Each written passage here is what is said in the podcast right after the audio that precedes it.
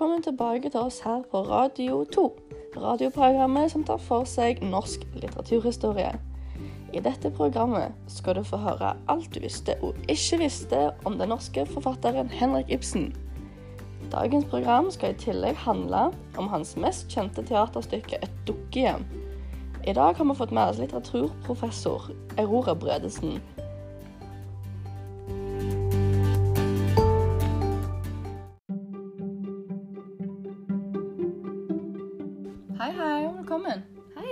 At jeg fikk komme. Du, kan ikke du bare begynne å fortelle oss litt om denne eh, store mannen? Jo, det kan jeg. Dagen er 20. mars 1828. Dagen Henrik Ibsen ble født i Skien. Han var sønn av en velstående kjøpsmann som mistet formuen sin da Henrik var bare åtte år gammel. Det å være sønnen til en som hadde gått konkurs, satte sterke preg i ham. Noe som satte spor i diktingen hans. Han skrev både dikt og teaterstykker, og er mest kjent for det dramatiske diktet 'Per Gynt' og teaterstykket 'Et dukkehjem'.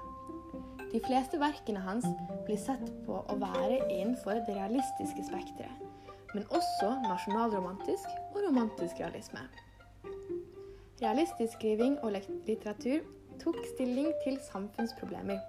Det ble stilt spørsmål ved tradisjonelle verdier knyttet til religion, ekteskap, skole og hvordan kvinner ble oppdratt. Realistene ville frigjøre sosiale klasser og enkeltindividet fra tradisjoner.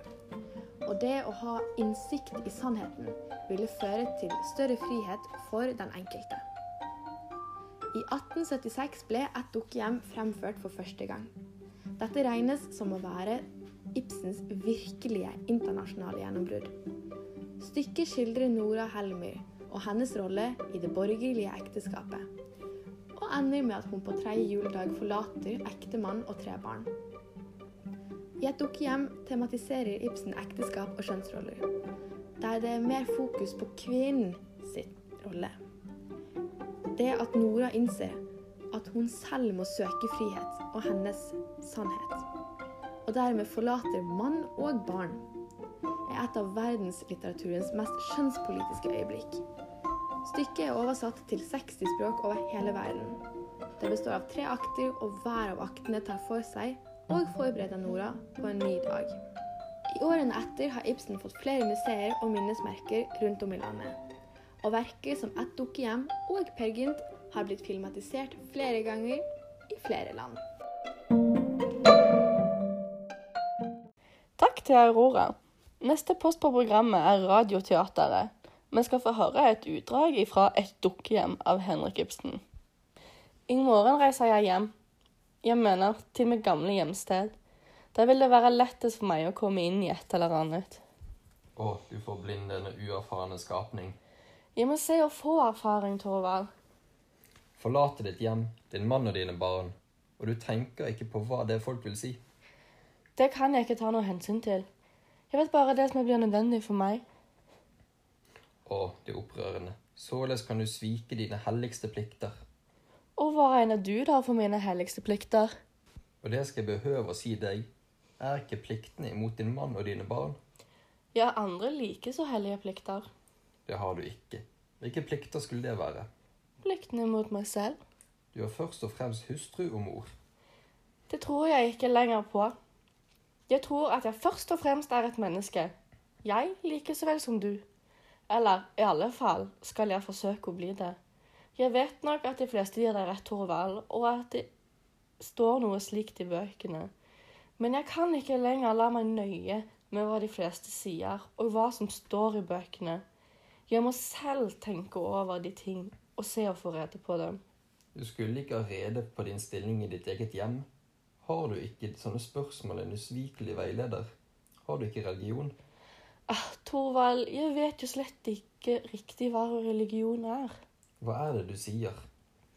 Jeg vet jo ikke annet enn hva presten Hansen sa da jeg gikk til konfirmasjon. Han fortalte at religion var det og det. Når jeg kommer bort fra alt dette her og blir ensom, så vil jeg undersøke den sak også.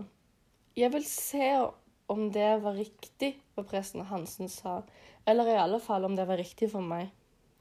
Og slikt er dog uhørt av en så ung kvinne. Men kan ikke religion rettlede deg, så la meg dog ryste opp i din samvittighet. For moralsk følelse har du dog. Eller svar meg, har du kanskje ingen? Ja, Torvald, det er ikke godt å svare på det. Jeg vet jo slett ikke. Jeg er ganske i villrede med de ting. Jeg vet bare at jeg har en ganske annen mening om slikt noe enn du. Jeg hører jo også nå at lovene er annerledes enn jeg tenkte. Men at de lovene skulle være riktige, det kan jeg umulig få i mitt hode. En kvinne skal altså ikke ha rett til å skåne sin gamle døende far, eller til å redde sin manns liv. Slikt tror jeg ikke på. Du taler som et barn. Du forstår ikke det samfunnet du lever i. Nei, det gjør jeg ikke. Men nå vil jeg sette meg inn i det. Jeg må se og komme etter hvem som har rett. Samfunnet eller jeg.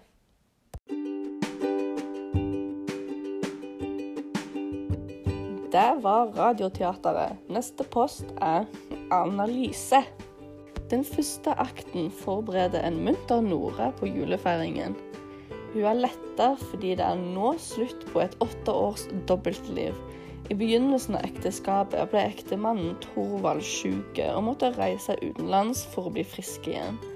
Han har hele tida trodd at hun finansierte denne reisen med arvepengene etter faren, men tilskueren får innblikk i at hun istedenfor tok opp et hemmelig lån og forfalska den døende faren sin underskrift. Siden har hun på overflata vært Helmers vakre lerkefugl, eller lerkefugl. Men i det skjulte har hun arbeidet for å betale ned lånet.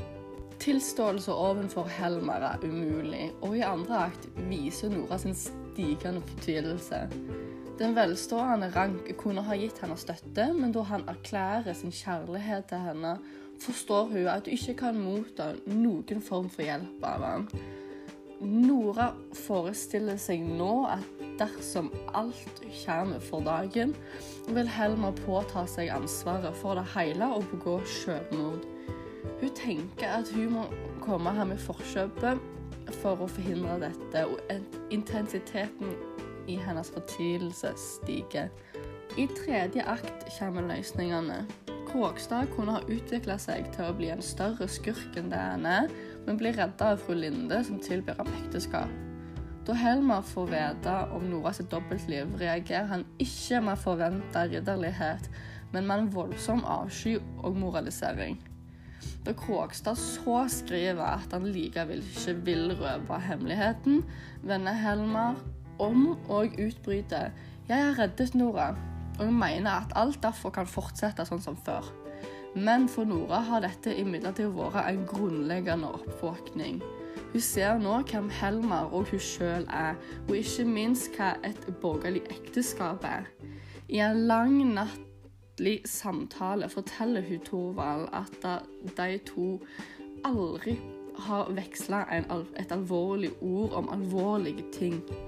At El Helmer ikke har elska henne, men at bare synes at det har vært fornøyelig å være forelska i henne. Og at hun må komme seg etter og se hvem som har rett, hun eller samfunnet. Hennes avskjed er definitivt og nådeløs og blir markert med drønnet av en port som slås i lås. Og sånn slutter skuespillet. Et dukkehjem oppfyller alle kravene til realistisk teater. Nora og Thorvald har overflatisk sett et lykkelig ekteskap, men ekteskapet har utfordringer. Nora har ikke så mye innsikt og frihet fordi hun er kvinne, og det går opp for henne at hun sjøl må finne sin egen sannhet og frihet. Ibsen understreker her hvor viktig det er med frihet fra tradisjonene for å kunne finne denne friheten og innsikten. Samtalene mellom de forskjellige karakterene i stykket er realistisk, og publikum kan kjenne seg igjen i både språket og situasjonene. Ibsen skaper en illusjon av virkeligheten som får publikum til å kjenne seg igjen i handlingene, og får de til å skape en debatt om problemene som vil resultere at folk endrer holdningene sine til disse temaene. I dagens samfunn, 140 år seinere, er et dukkehjem like relevant som det var den dagen det kom ut, og blir fortsatt satt opp på teater i hele verden.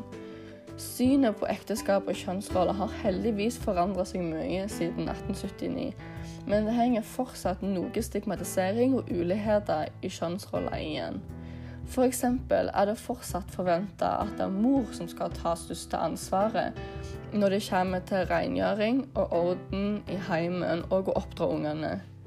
Det er normalt å si at far sitter barnevakt når jeg skal ta vare på ungene, men man kan ikke sitte barnevakt for egne barn. Man oppdrar dem. Et annet eksempel er at man fortsatt får kjønnspoeng når man søker utdanning.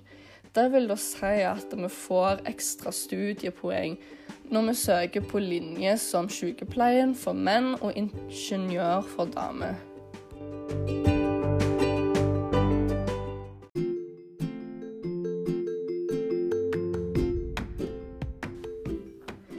Det var alt vi fikk tid til i dag. Neste gang skal vi ta for oss hvordan litteraturen kan påvirke samfunnet. Takk for nå.